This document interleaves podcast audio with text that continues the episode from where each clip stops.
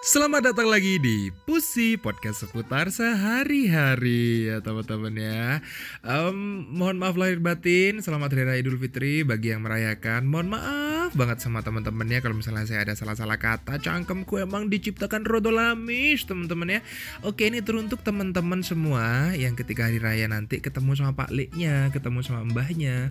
Terus kalian merasa insecure Merasa eh, privasi anda itu diobrak-abrik ketika ditanya kapan eh, lulus nak Eh, kapan nikah? Eh, kapan eh, kamu menyelamatkan dunia? Hah, gak bobo boy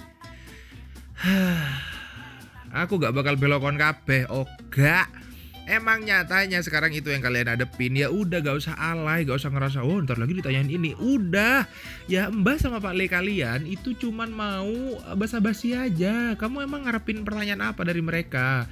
Mereka tuh cuman mau mencairkan suasana gitu loh. Kalian mau pertanyaan dari Pak Le kalian tuh beda gitu loh. Kayak misalnya Halo Pak Le, iya nak, eh, gimana? Ini Pak Le mau tanya, iya mau tanya apa Pak Le? Eh, jadi kira-kira eh, efek dari turunnya Kim Jong Un itu apa ya terhadap perekonomian Asia? Gelem akan jawab iku. Bangsat anjen gue kagak.